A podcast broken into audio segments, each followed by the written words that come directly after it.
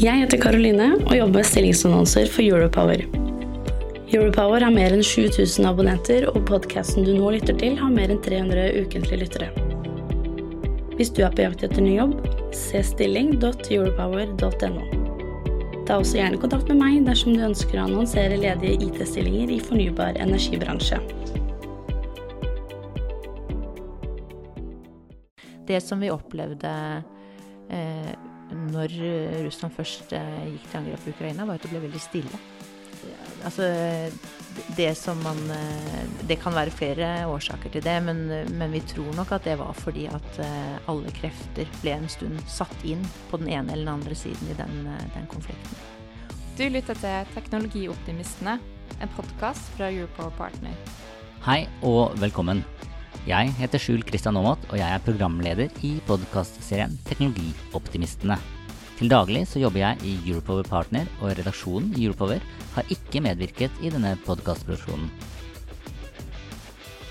I dag så skal du få bli kjent med Beater Sander Krogstad, konserndirektør for transformasjon og digitalisering i Statnett, men først noen ord fra våre annonsører. Vil du utvikle løsninger for det grønne skiftet? Har du erfaring fra prosjektledelse og energibransjen? Vil det motivere deg å jobbe i en oppstartsbedrift med teknologientusiaster? Da vil denne stillinga her passe perfekt for deg. Enfo søker prosjektleder for morgendagens energiløsninger. Gå inn på stilling.europower.no for mer informasjon. Da er den 13 over, og da starter vi. Um, hvem, hvem er du? Um, det er et sånt eksistensielt spørsmål, syns jeg. Men jeg heter uh, Beate og er uh, i slutten av 40-årene. Jeg er 48 akkurat nå, gift og har to barn. Um, jeg er sivilingeniør fra Trondheim, studerte der. Når gikk du der? Uh, jeg var ferdig i 98. Ja, da var vi der samtidig. Jeg begynte i 96. Du det? Hva gikk du? Jeg gikk marin. Ja, jeg... på på, på Tyholt. Ja, jeg gikk matematikk og fysikk, så det var det jeg drev med den gangen. Eh, ellers gift, to barn. Eh, pleide å være veldig glad i å drive med idrett. Og har jo innsett at en periode i livet nå så er det mye jobb og familie det går i. Hva slags idrett eh, drev du med? Eh, jeg har spilt veldig mye håndball. Ja. ja. ja. Eh, hvordan vil eh, kollegene beskrive deg? Eh, det er et godt spørsmål. Det burde jeg jo stille de, spørre de ofte om. Men jeg håper Eller det vet jeg at de sier. De sier at jeg er kunnskapsrik. At jeg har mye innsikt i det vi jobber med. Og så håper jeg at de opplever meg som åpen og eh, nysgjerrig, men også veldig glad i å ha åpne diskusjoner og, og få til gode team. At vi liksom eh, gjør hverandre gode i, i Statnett og i, i de avdelingene vi jobber i. Eh, er det noe kollegene dine ikke vet om deg? Har du en fun fact du har lyst til å dele? Jeg har inntrykk av at de har gravd godt, jeg. Så kollegene mine vet nok eh, litt av hvert. Det jeg syns er litt sånn uh, pussig selv akkurat kanskje nå, er at jeg, jeg, er odelsjente av bakgrunn, og jeg har jo fjernet meg veldig langt fra det i veldig veldig mange år. Men plutselig nå så sitter jeg med en gård. Hvor er gården, da? Den er på Eidsvoll. Ja, så diskuterer dere i heimen om dere skal tre ut av uh, kraftbransjen, eller om du skal tre ut og bli eh, bonde? Bonde? Nei, det tror jeg ville gitt veldig dårlig av seg. Men uh, jeg er heldig å ha et sted som vi kan reise ut av byen og, og kjenne slekters gang og kjenne litt på bondelivet av og til. Så det er godt. Så du tenkte, du tenkte ikke på å gå den veien når du, altså når du vokste opp på gård? da? Nei, vet du hva. Det, det, har aldri jeg tenkt, og aldri mine foreldre forventet heller, eh, tenker jeg. Så, øh, men der har jeg en liten fun fact. Når jeg eh, skulle gifte meg, så hadde jeg en veldig fremoverlent forlover, og hun fikset da en lunsj med daværende justisminister Odd Einar Dørum som en del av utdrikningslaget. Tenkte jeg. Det var en sånn litt overraskelse. Og når jeg spurte han hvorfor han tok seg tid til å prate med meg, så han et, hadde han fått et råd av en fremoverlent statssekretær som sa at eh, som politiker så bør man skjønne disse jentene fra landet som flytter til byen og ikke har tenkt å komme tilbake igjen. Så bra. Det eh, var et veldig annerledes, annerledes utviklingslag enn det jeg hadde. jeg, jeg, trenger ikke å si mer om det utviklingslaget her, nei. Eh, men nå, nå, jobber du som konserndirektør for transformasjon og digitalisering i, i Statnett. Eh, og så er det jo Altså, de som leser Europower til daglig, de vet godt hvem Statnett er. Men til denne podkasten så har vi et litt annen type publikum òg, så hva er Statnett sitt ansvar?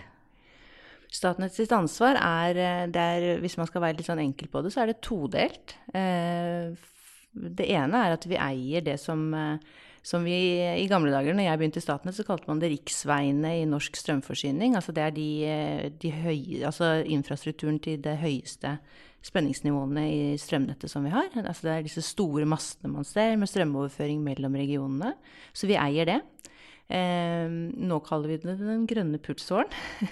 ja. Men, men det, det, eier vi, så vi er en stor infrastrukturbedrift. Eh, og så har vi noe som heter kraftsystemansvaret. Eh, og det betyr at vi, eller som er eh, ja, systemansvarlig for kraftsystemet i Norge. Og det betyr at vi har ansvar for at alle kan eh, koble seg på og bruke strømnettet på like vilkår. Det betyr at vi balanserer Eh, produksjon, og strøm, eh, produksjon og forbruk av strøm. Det må være helt likt i, i øyeblikket. Så det er egentlig et overordna ansvar for at det norske kraftsystemet fungerer eh, i kontekst med omverdenen. Og, ja. og den, den, balansen den er blitt mye vanskeligere nå som man får mer vind inn på nett og kanskje etter hvert sol osv. For, for vannkraften var, eh, den kunne man regulere selv, men vind og sol det bestemmer vår herre, er det ikke sånn? Jo, det, ja, det spørs jo hva man tror på, men, men, men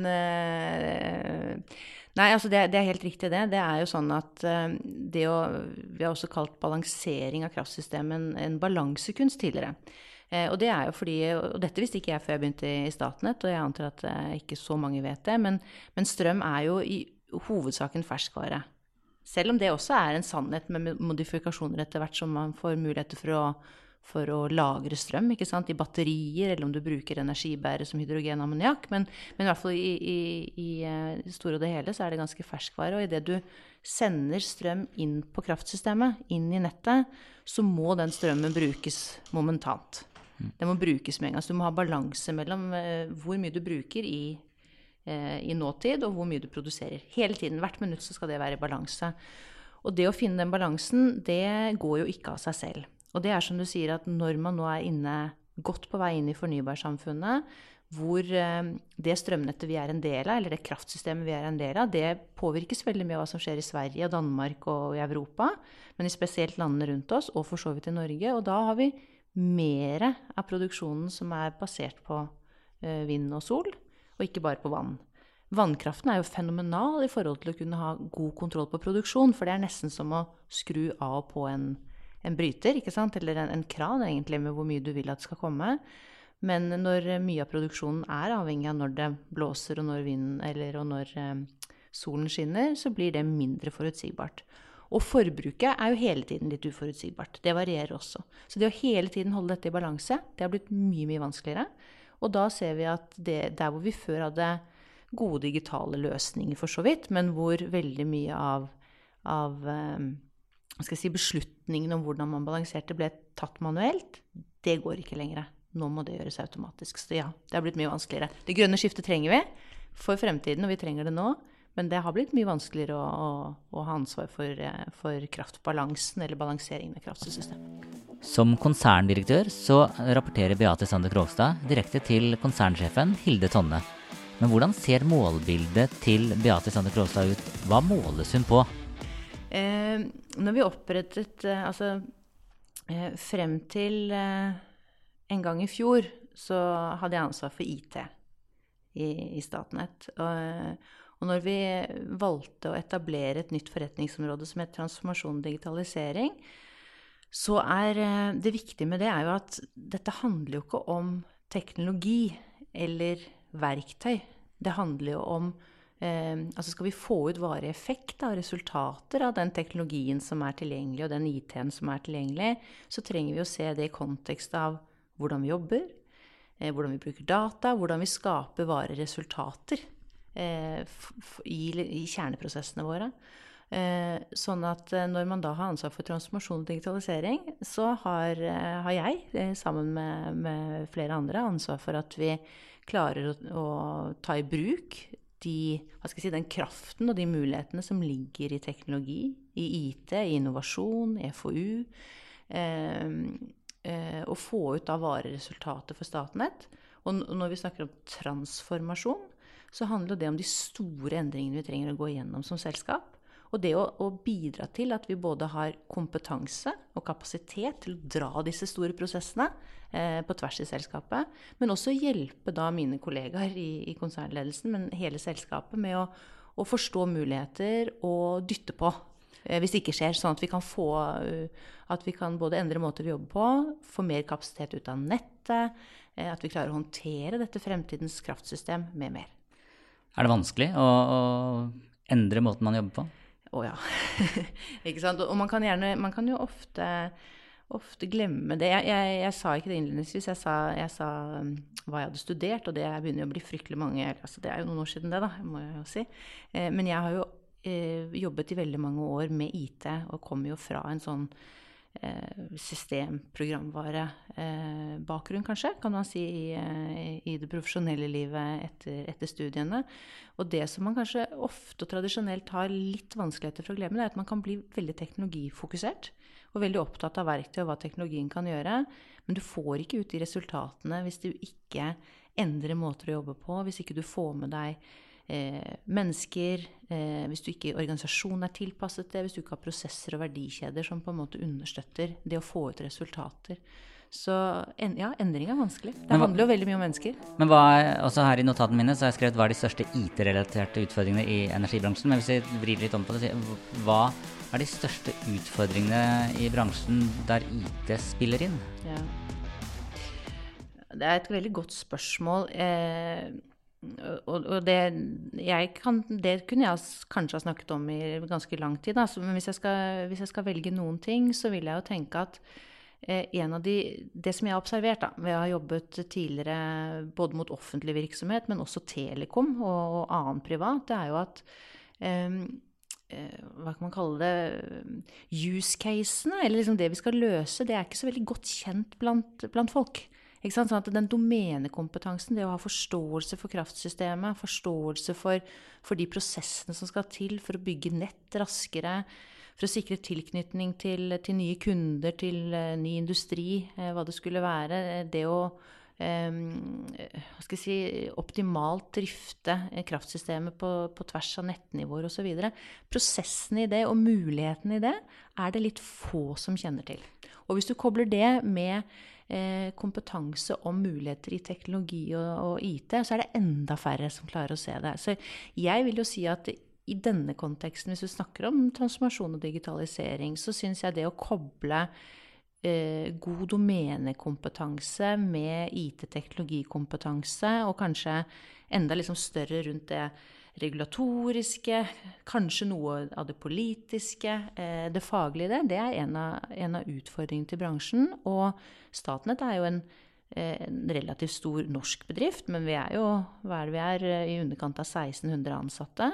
Og så er bransjen ellers preget av å være ganske, ganske mange små selskaper. Eh, så, og den kompetansen som trengs her, finnes det lite av i Norge. Så det handler liksom om å få konsolidert og forstå mulighetene, syns jeg er en av de store utfordringene. Men har dere vært for dårlige til å forklare dette ut til, uh, på, studiesteder eller i, i, i IT-bransjen? Man kan jo alltid bli bedre. Eh, vi har jo sett dette en stund. At kraftbransjen har vært litt sånn den har ikke vært hemmelig, men jeg, synes, jeg startet i, i Statnett i, 20, i, i, 2009. Og det var en hemmelighet for meg, hvor, hvor veldig interessant det var med, med, kraft, egentlig, og hele kraftbransjen. Og det som slo meg den gangen, og nå er det 13 år siden, eh, det var jo at eh, jeg syns mye var veldig introvert. Eh, jeg syns at mye av teknologiutviklingen og IT-utviklingen var veldig preg av Eh, noen få, bare, eh, som hadde vært i veldig, veldig mange år. Eh, det var mye elkraftingeniører som Flinke elkraftingeniører, men som var selvlærte på IT, f.eks. Ja, for elkraft er jo, det, altså det er jo teknologi, men det er jo helt annet enn softwareutvikling. Ja, det er det. det, er det. Så, så, jeg synes, hvis jeg går 13 år tilbake i tid, så var jeg litt sånn overrasket over hvor man var. Men så syns jeg vi har jobbet ganske hardt i de 13 årene med å gjøre ting mer kjent, men vi kan bli bedre. Altså, dette er jo en, en juvel av, av spennende eh, ting midt i samfunnsutviklingen, og du får jobbe med teknologi som, som virkelig er liksom på, i kjernen av det som, som skal virke for at vi i et moderne samfunn skal ha tilgang til strøm 24-7. Flere IT-mennesker som jeg har pratet med, eh, sier at mange energiforetak, eller altså ja, nettselskap eller uh, kraftprodusenter, sånn, de, de, kjører IT-prosjekter på samme måte som byggeprosjekter. Uh, og det i, i en tidligere podkastsamtale med Jon Andreas Petorus i, i, Elvia, så bekreftet han det at IT-prosjektet brått blir leda av, av, mennesker med, med, med byggebakgrunn og ikke software-bakgrunn. Og han så på det som et problem. Hvordan tenker du rundt det? Uh, altså, det er jo noen flinke folk eh, som kan sikkert gjøre, gjøre, forskjellige ting, men det er klart at um, hvis du tenker på liksom de store IT- eller digitalprosjektene Jeg er ikke så glad i å kalle det IT-prosjekter lenger. Og, det er fordi jeg syns at ofte så blir det veldig fokus på teknologi og verktøyvalg. Mens hvis du skal få ut effektene, så må du ha med deg liksom alt dette med mennesker og prosesser og, og, og det hele. Men, men, men, men, det er klart det at et softwareutviklingsprosjekt da, har helt andre har helt andre usikkerheter og innsatsfaktorer enn et byggprosjekt. Eh, og hele verden har jo omfavnet eh, mer iterative måter å jobbe på. Ja, for, det smidige og agile. Er, er, det fossfall eller nei, agilt hos dere? Ja. Vet du hva, jeg må si at vi har jobbet agilt i hvert fall siden 2009, da jeg startet i Statnett. Da jobbet Statnett med det allerede. så det har vi jobbet lenge med. de største liksom, løftene vi gjør på, på digitalsiden og IT-siden, det pakker vi inn i en prosjektlogikk. Eh, men burde det ikke heller rammene. vært en uh, produktlogikk? Ja, men det gjør vi også. Og, og vi har eh, av det vi, vi har samlet en, en, helhetlig portefølje for digitalisering og innovasjon i Statnett. Der er liksom alt stort og smått som vi driver med av om det er IT-prosjekter liksom på verktøysiden, mer digitaliseringsprosjekter, innovasjon, FoU, i én portefølje. Og i den porteføljen så vil jeg si at omtrent halvparten av utviklingen eh, er eh, produktorientert. Og selv i de største prosjektene våre, det største prosjektet vi kjører nå, er en digital transformasjon for nettopp dette med kraftsystemdrift. Det, kjører, det er et nordisk prosjekt. Vi kjører det i tett samarbeid med Svenska kraftnett. Eh, og der har vi gjort en, en litt sånn tradisjonell investeringsbeslutning på en ramme for et stort program. Men inni det programmet, som er eh, kjempestort, jeg har aldri sett noe så stort før, eh, så jobber vi jo agilt og smidig med selve eh, softwareutviklingen i produktet. Vil du utvikle løsninger for det grønne skiftet? Har du erfaring fra prosjektledelse og energibransjen? Vil det motivere deg å jobbe i en oppstartsbedrift med teknologientusiaster? Da vil denne stillinga her passe perfekt for deg. Enfo søker prosjektleder for morgendagens energiløsninger. Gå inn på stilling.europower.no for mer informasjon. Hva er de største IT Og jeg sier IT, ja, så får du kalle det noe annet. Hva er de største IT-beslutningene dere har tatt de siste årene i Statnett? Mm. Eh, den aller største IT-beslutningen, eller digitaliserte, relaterte beslutningen vi har tatt, er dette med automatisering av kraftsystemdriften som jeg så vidt nevnte. Der, det, det, er et veldig veldig spennende område. Der er det en del eh, som er utenfor eh, for den tradisjonelle kraftbransjen, som etter hvert begynner å kjenne det prosjektet. For der er det veldig mange som har jobbet inn. Vi har gode samarbeidspartnere her. Um, men um, ja, det handler om rett og slett den automatiseringen av kraftsystemet. Og det handler om balanse? Eller? Det handler om å balansere. Ja, mm. balansere. En helt ny nordisk modell for hvordan man balanserer det kraftsystemet som er sammensatt på en annen måte enn før. som vi snakket om. Hva slags budsjetter er det på sånne prosjekter? Det kan jeg jo si at uh, der har vi et budsjett sammen med Svenska kraftnett, som er tilsvarende Statnett i Sverige, hvor vi, eh, hvor vi utvikler både en del som er en nordisk løsning, altså som skal være for alle fire land. Sammen utvikler vi det. Og så utvikler vi felles lokale løsninger bare for Sverige og Norge. Og så er det noe helt lokalt lokalt. Men da deler vi jo på, på kostnadene. Men totalprislappen på det for første fase er på ca. 1,2 milliarder. Men over fem år ca., da. Ja, Men det er fortsatt litt penger, da. Det er kjempestort, og, og det, er ikke, det, er jo ikke bare softwareutvikling vi driver med der. Det er en total omlegging av hvordan man balanserer hele det nordiske synkronområdet, som det heter. Eh, der hvor strømmen liksom bare forsvinner eh, uten at du kan styre retningen på det, nærmest, i det nordiske systemet. Og det er en helt annen måte for operatørene å sitte på landssentralen og balansetjenesten i Sverige og i Danmark og i Finland og operere hele, hele systemet på. Så det er, et, det er, en kjempestor digital transformasjon. Jeg tror ikke det er noen andre bransjer jeg kjenner til som, som driver tilsvarende. Eh, og her jobber vi med ting som er alt fra å bruke kunstig intelligens for å klare å forutsi hva slags type produksjons... Eh, hvordan produksjonen vil se ut, og hvordan forbruket vil se ut, eller egentlig predikere forventa ubalanse. Og så vil på en måte automatikken eh, skal da ved hjelp av markedsmekanismer på effektiv måte klare å gjøre den balanseringen automatisk. Blir man mer sårbare da, når alt skal, alt skal automatiseres eller digitaliseres? Eh, med tanke på hacking, altså én eh, knapp, og så slår man alt ut, istedenfor å ha gammeldagse systemer der man måtte skru av brytere på hver stasjon? Eh, vi lager ikke noen ting som er sånn at du har én bryter du kan slå på, og så, og så, kommer alt ut. Men det er klart at hvis vi snakker om akkurat den, den automatiseringen av kraftsystembalanseringen, eh, så eh, kan man jo kanskje litt forenklet sammenligne det med overgangen til, eh, til sånn autopilot, eller kanskje den selvkjørende bilen. Eh, så det vi også jobber med som en del av det programmet, og jobber veldig med, det er jo hva gjør vi da, når den automatikken ikke virker? For det må vi kunne håndtere. Ja, og hva skjer altså, Man prater om balansering. Hva skjer hvis man kommer i ubalanse? Ja, eh, Hvis det er stor ubalanse altså Balansen den måles jo ved frekvens. Så når alt er i balanse mellom forbruk og, og, produksjon, så er det 50 hertz i strømsystemet. Hvis det blir en større ubalanse, så kan du, få, kan du ødelegge eh, elektrisk, eh, forskjellige elektriske apparater. Og blir det stor ubalanse, kan du få utfall, altså mørklegging. Så denne balansen er viktig, eller frekvensen er, er viktig. Så det er liksom det du måler på. Eh, litt tilbake til hacking. Ja.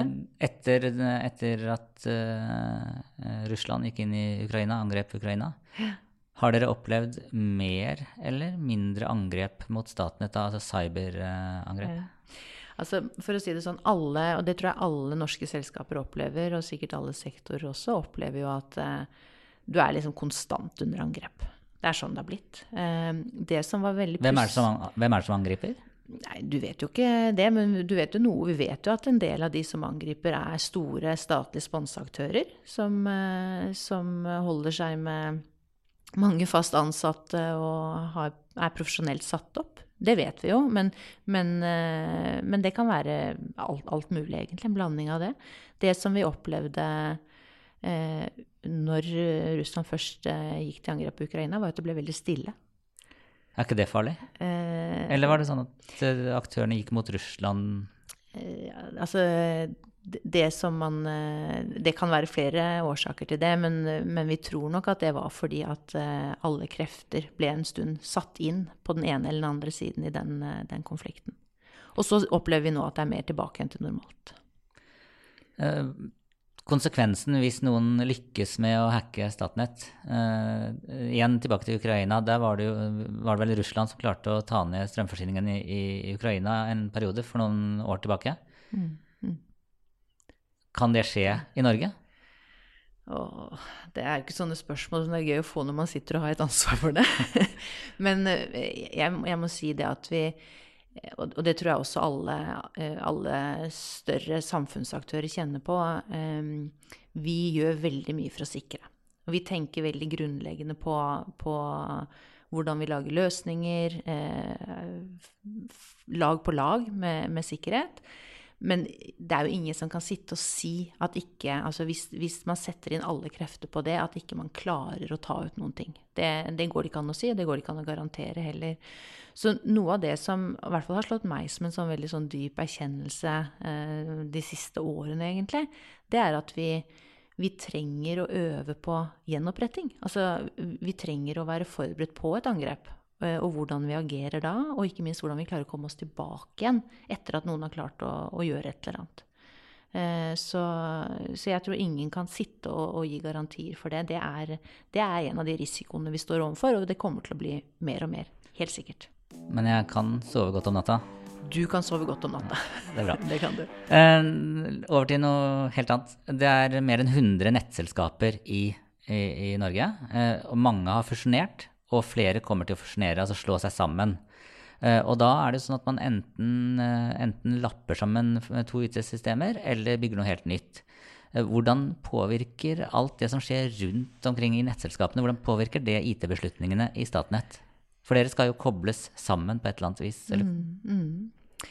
Eh, altså, Akkurat nå må jeg jo bare si at vi er jo veldig opptatt av prioritering, og vi klarer ikke å gjøre alt samtidig. Så akkurat om det påvirker oss direkte nå, men, men det har jo stor betydning for hvor, si, hvor moderne og fremoverlent eh, vi som bransje er. Eh, det at man klarer å finne sammen og konsolidere. fordi at det koster jo veldig mye, eh, det å investere i IT-infrastruktur og IT-systemer. og noe av det som, eh, som, alle som jobber med det, vet, er jo at det blir så fort gammelt også. Så du, det er jo ikke engangsinvesteringer. Du må jo ha kompetanse og, og penger til det over, over tid. Så, så, så, jeg vil jo tenke at uh, den konsolideringen, og det om man klarer da å få konsolidert IT-systemer og plattformer og gjerne datafangsten osv., det tror jeg, eh, eller det er jeg veldig sikker på at det kan gi økt eh, tempo og gjennomføringsevne for bransjen som helhet når det gjelder hvordan man trenger etter hvert å, å samhandle mer digitalt da, enn det man har gjort før. Tettere. Um, hvis det er et uh, IT-selskap som har en god idé altså Statnett er jo offentlig eid, eller statlig eid. uh, og kjører anbudsrunder etter ganske strenge krav. Mm. Eh, mm. Hvis det er en, en IT-bedrift som har en god idé, som man tenker at dette kunne økt verdien eller kutta noen kostnader eller effektivisert i Statnett, hvordan, hvordan, blir det tatt imot? Da må alt gjennom store anbudsanskaffelser med konkurranse, eller kan man komme inn og få kjøre pilotprosjekter hos dere?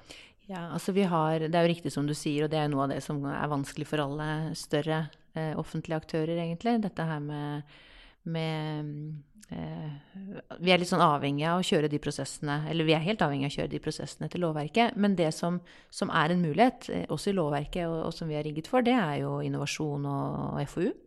Eh, så der er det jo muligheter for pilotprosjekter, og vi gjør jo ganske mye sånne giringsaktiviteter sammen med, i konsortier med flere aktører for å få frem eh, ny kunnskap, uh, forstå hvordan teknologianvendelse kan være for oss osv. Så, videre. så Så det er det muligheter for. På Facebook uh, så leser man jo ofte at dette er skattebetalernes penger og, med store bokstaver og, og sinte tegn. hva, og så prater vi om milliardprosjekter. Hva kreves for å kjøre store IT-prosjekter i, i, i Statnett på tid og budsjett? Um, nå er det jo nett, eh, nettkundene sine penger som Statnett, eh, som Statnett bruker. Eh, vi kjører ikke mange sånne altså Jeg nevnte dette store prosjektet som vi kjører sammen med Svenska kraftnett, så Statnetts andel av det er jo eh, halvparten. Eh, og så i tillegg så har vi der jobbet så godt sammen med, eh, med Svenska kraftnett at vi får tilbake penger av det igjen også fra Fingrid og Energinett i henholdsvis Finland og og Danmark, fordi vi selger noen av de, de, løsningene videre. Det vi har vært veldig opptatt av, det er at en del av de eh, IT-investeringene vi trenger å gjøre, eh, er, det er veldig spesielt det vi driver med i en TSO-virksomhet som man kaller, eh, kaller, Statnett. Så der er vi veldig opptatt av å finne samarbeidspartnere og kunne utvikle med flere, sånn at vi kan dele kostnaden på flere. Så det har vært eh, stor fokus for oss over flere år eh, rundt dette med kraftsystemdriften. Fordi det er så store investeringer. For å spre risikoen, og så Nei, men egentlig for å spleise på. ikke sant? Fordi at vi sitter etter at du da eh, Og det er, det er mange ting her. Det, det, ene er jo det å ha tilgang på kompetanse over tid. Dette her er jo ting som, som skal justeres og endres og videreutvikles. Og det å ha et stort nok og kompetent nok miljø som er spennende å jobbe i, hvor du kan få ulike arbeidsoppgaver, da er det et poeng i seg selv å finne noen å gjøre det med, så du kan få et større miljø enn det du kan klare å ha selv. Så det er liksom én del av det. Og den andre delen av det er at du da kan dele på kostnaden også, for software er dyrt. Eh, og det blir fort gammelt. Eh, så det er en annen del av det. Ehm, eh, og så er det jo det om du også kan selge eller få med deg flere på det etter hvert. Så, så, det har vært veldig sentralt for oss. Eh, i den utviklingen. og ellers så har jo ikke vi så store prosjekter, det må jeg bare si. Eh, i, i, den i ja, Hva er et typisk IT, eller er et typisk prosjekt i, i Statnett som har mye IT i seg? Ja, men vi har, vi, det er så varierende, ikke sant. For vi har, vi har da dette kjempeprogrammet gående. Og så har vi en del investeringer i styringssystemer. Eh, eh, som har en litt sånn annen karakter. Eh, og så har vi mindre, eh, eller mer sånn vanlige eh, produktteam som utvikler, uh, utvikler, løsninger, eller driver med data, databaserte løsninger. Programmerer i Python osv. Um, eh, og da er det Ja, det, det, er årlige bevilgninger, avhengig av prioriteringer og tiltak og, og business case osv. Man sier at man lærer av sine feil. Har Statnett gjort noen store feil på teknologivalg? Det har vi sikkert gjort. Men jeg vil ikke si store, men vi har hatt en, et par opplevelser hvor vi Og vi er veldig opptatt av på teknologisiden at vi ikke er noe sånn uh, vi skal være moderne. Det er veldig viktig for å opprettholde sikkerhet, ha kompetanse osv. Uh, men vi ønsker ikke å være sånn for, forerunners for å ta, for å ta eh, stor risiko. Det ønsker vi ikke. Men vi har nok eh, spesielt ved en anledning så ble vi litt sånn, hva skal jeg si, tvunget ut til å være litt tidligere ute enn vi ønsket. Og vi har rodd fint inn i etterkant, men eh, Kan du si noe mer om Jeg vet ikke om jeg skal si så veldig mye mer om det, annet enn at, eh, at det ble jo en annen gjennomføring enn vi hadde sett for oss. For det vi oppdaget etter hvert, at der hvor vi trodde var flere kunder over på den oppgraderte løsningen, så var vi først. Og det vil vi ikke være. Og det visste vi at vi ikke ville være før vi startet også. Så, eh, men en feilinvestering, det Vi har ikke hatt så mye sånne feilinvesteringer. Vi, vi, har, jo en, vi har, jo en, risikoprofil som ikke er, liksom er av de største. Mm. Ja. Men, men, det jeg vil si, da, eh, som jeg syns er litt sånn viktig, som man kan legge igjen også til, til, de der ute som driver med IT og IT-leverandører, det er jo at vi er jo en bransje preget av en del tunge systemer hvor vi opplever at at eh, plattformer og systemer er ganske sånn innlåst. Eh, vi er jo ellers eh, veldig opptatt av at vi skal ha ting som er, har åpen arkitektur, og modulbasert, at vi kan integrere på tvers av systemer. Og det opplever vi jo at en del av nisjeleverandørene våre ikke har åpen nok arkitektur. Um, og det er jo ikke feilinvesteringer fordi vi er liksom litt tvunget i den retningen, men det må vi komme ut fra, og det trenger bransjen å komme ut fra, leverandørene. Og det gir muligheter der ute for å komme inn med ting som er mer åpent. Uh, og da kan vi gå over på spørsmålet som ble stilt i forrige podkastepisode med Thomas uh, Pettersen i uh, Embrik, CEO i Embrik. Statnett spiller jo en kjempestor rolle for bransjen. Og jeg tenker at et naturlig spørsmål der, det er om det pågår konkrete aktiviteter, og om hun kanskje kan si noe om datautveksling med DSO-ene. Eh, vi ser jo at inntektspunktene i distribusjonsnettet blir mer og mer sentrale. Og eh, ja, om, om det er eh, grensesnittdiskusjoner da, på, på, nivået mellom TSO og DSO som, som vil endres på framover. Det er diskusjoner i bransjen om digital samhandling, som det kalles. Og noe av det som, som, som ikke er så tydelig ennå, syns jeg, men som diskuteres, det er jo behov Altså hvordan kan vi i Norge sikre at vi bruker det kraftsystemet, altså det nettet vi har på, på både sentralnettsnivå, som Statnett eier, og underliggende nett, som distribusjonsselskapene eier. Hvordan kan vi bruke det mest mulig optimalt, sånn at vi får mest mulig kapasitet ut til kunder og andre som trenger strøm og tilknytning, ny industri osv. Så, um, så jeg er helt sikker på at det kommer endringer der. Uh, men hvordan endringene skal være, og hva som egentlig er hva skal jeg si, effektene vi kan få ut av det, det kjenner vi litt for dårlig til enda. Så det krever at vi at vi, at vi, samhandler godt for å forstå hvilke effekter vi kan få ut av det. Eh, og så skjønner alle som har sett litt på hvordan man samhandler, at eh, liksom den, det datadrevne det kan forbedres voldsomt.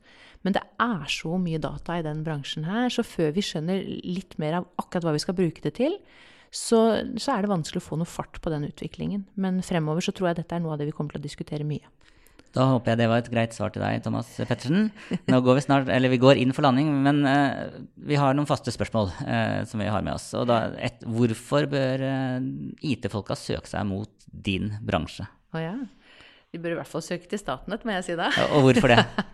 Nei, altså kan, kan, Hvis jeg kan si liksom sånn kort jeg, Når jeg startet i Statnett i 2009, så var jeg kjempeskeptisk til å snakke med Statnett i det hele tatt. Jeg ble ringt opp og var heldig den gangen.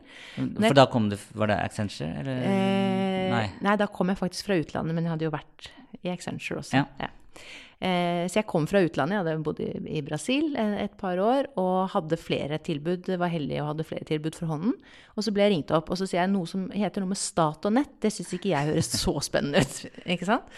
Og så sa de men kom nå og hør hva vi driver med. Og, og den der kombinasjonen med å For det første, og, og nå må jeg være, være, helt ærlig, det andre har vokst på meg etter hvert, men den gangen så tenkte jeg bare wow. Dette her er en bransje jeg kan ganske lite om, men for noen utfordringer og for noen store på en måte eh, digitale muligheter, men også behov som finnes. Eh, sånn at det, eh, det å få jobbe med komplisert teknologi eh, i et komplisert domene eh, med noen ting som for det første betyr noe liksom sånn rent eh, samfunnsmessig. Altså det må virke, og, og det må virke bra. Eh, men nå er det jo fått Det som har vokst på meg, er jo den dimensjonen med det grønne skiftet og liksom hele den derre Ja, For det tenkte du ikke noe på den gangen? Jeg, helt ærlig, jeg ble ikke drevet av det den gangen. Jeg var drevet av at det var teknisk vanskelig og komplisert, og at det, jeg så at jeg hadde noe å bidra med. Men det har vokst veldig på meg, det, det, det samfunnsoppdraget som, som Statnett står midt oppi, som er liksom eh, Det vi jobber med nå, det handler ikke bare om at vi har strøm nå liksom 24-7 akkurat her og nå, men det handler faktisk også om en samfunnsutvikling som vi ønsker. For å ha et bærekraftig samfunn fremover. Det handler om uh, hva våre barn og barnebarn også skal leve i av et samfunn. Det syns jeg gir veldig mye mening. Og så er det innmari mye flinke folk. For det er uh, et tungt uh, ingeniørmiljø med masse flinke kraftingeniører, men også mye annet. ikke sant? Og så er det etter hvert veldig mange flinke IT-mennesker, både som jobber i staten, men også blant våre leverandører og samarbeidspartnere. Så, så til tross for at det er stat og nett, så, så, burde de søke deg? Så jeg tok helt feil den gangen. Jeg er veldig glad jeg begynte i Statnett, og det er vel derfor jeg har vært der eh, siden. Min første datamaskin, det var en Amiga 500. Hva var din første datamaskin? Da skal jeg si hva jeg måtte gjøre. Jeg måtte sende en melding til min far. Eh, for jeg vet ikke hva slags, eh, hva slags PC det var, men det er ganske langt tilbake. Og han jobbet den gangen i det som het Sperr i Univac. Som, og jeg tror det var før de hadde egne PC-er. Men kanskje var vi på Windows 1, og jeg tror ikke det var tekstbehandling. Men jeg skrev stiler på den, den PC-en. Og når jeg begynte på NTH, så sto disse Sperry-PC-ene der på datalaben, tror jeg. Husker du hva mailprogrammet vårt het på, på NTH eller NTNU? Uh, nei, jeg husker jeg måtte ned på Runit og hente, men nei. Pine. Pine, det stemmer. det var ikke så mange å sende mail til den gangen. Nei. nei og da var eh, kontroll S, det var ikke save, men send, og det gjorde jeg feil noen ganger. Ikke sant? Ok, helt til slutt. I neste podkastepisode så møter vi Ann-Kristin Andersen, styreleder i Glitre. Har du et spørsmål du vil at jeg skal stille til henne? Ja, gjerne det. Altså, Glitre er jo et, et uh, fremoverlent nettselskap. Uh, så jeg tenker at det å få hennes perspektiv på hva hun tenker at, uh, at kraftbransjen kan hente ut av effekter når det gjelder digitalisering og, og nye måter å jobbe på, det syns jeg vil være spennende å høre hva hun sier om det. Da sier jeg tusen takk til deg, Beate Sander Krokstad, eh, konserndirektør for transformasjon og digitalisering i Statnett. Tusen takk. Vil du utvikle løsninger for det grønne skiftet? Har du erfaring fra prosjektledelse og energibransjen? Vil det motivere deg å jobbe i en oppstartsbedrift med teknologientusiaster? Da vil denne stillinga her passe perfekt for deg. Enfo søker prosjektleder for morgendagens energiløsninger Gå inn på stilling.europower.no for mer informasjon. Og tusen takk til deg som har lyttet til denne episoden av Teknologioptimistene. I neste episode skal vi som sagt bli bedre kjent med Ann-Kristin Andersen, som bl.a. er styreleder i Glitre Energi. Jeg mener vår tids største trussel er menneskeskapte klimaendringer.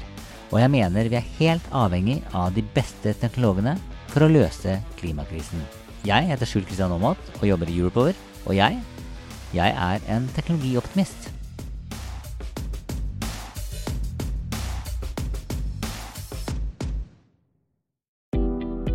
Jeg heter Karoline og jobber med stillingsannonser for Europower. Europower har mer enn 7000 abonnenter, og podkasten du nå lytter til, har mer enn 300 ukentlige lyttere. Hvis du er på jakt etter ny jobb, se stilling.europower.no. Ta også gjerne kontakt med meg dersom du ønsker å annonsere ledige IT-stillinger i fornybar energibransje.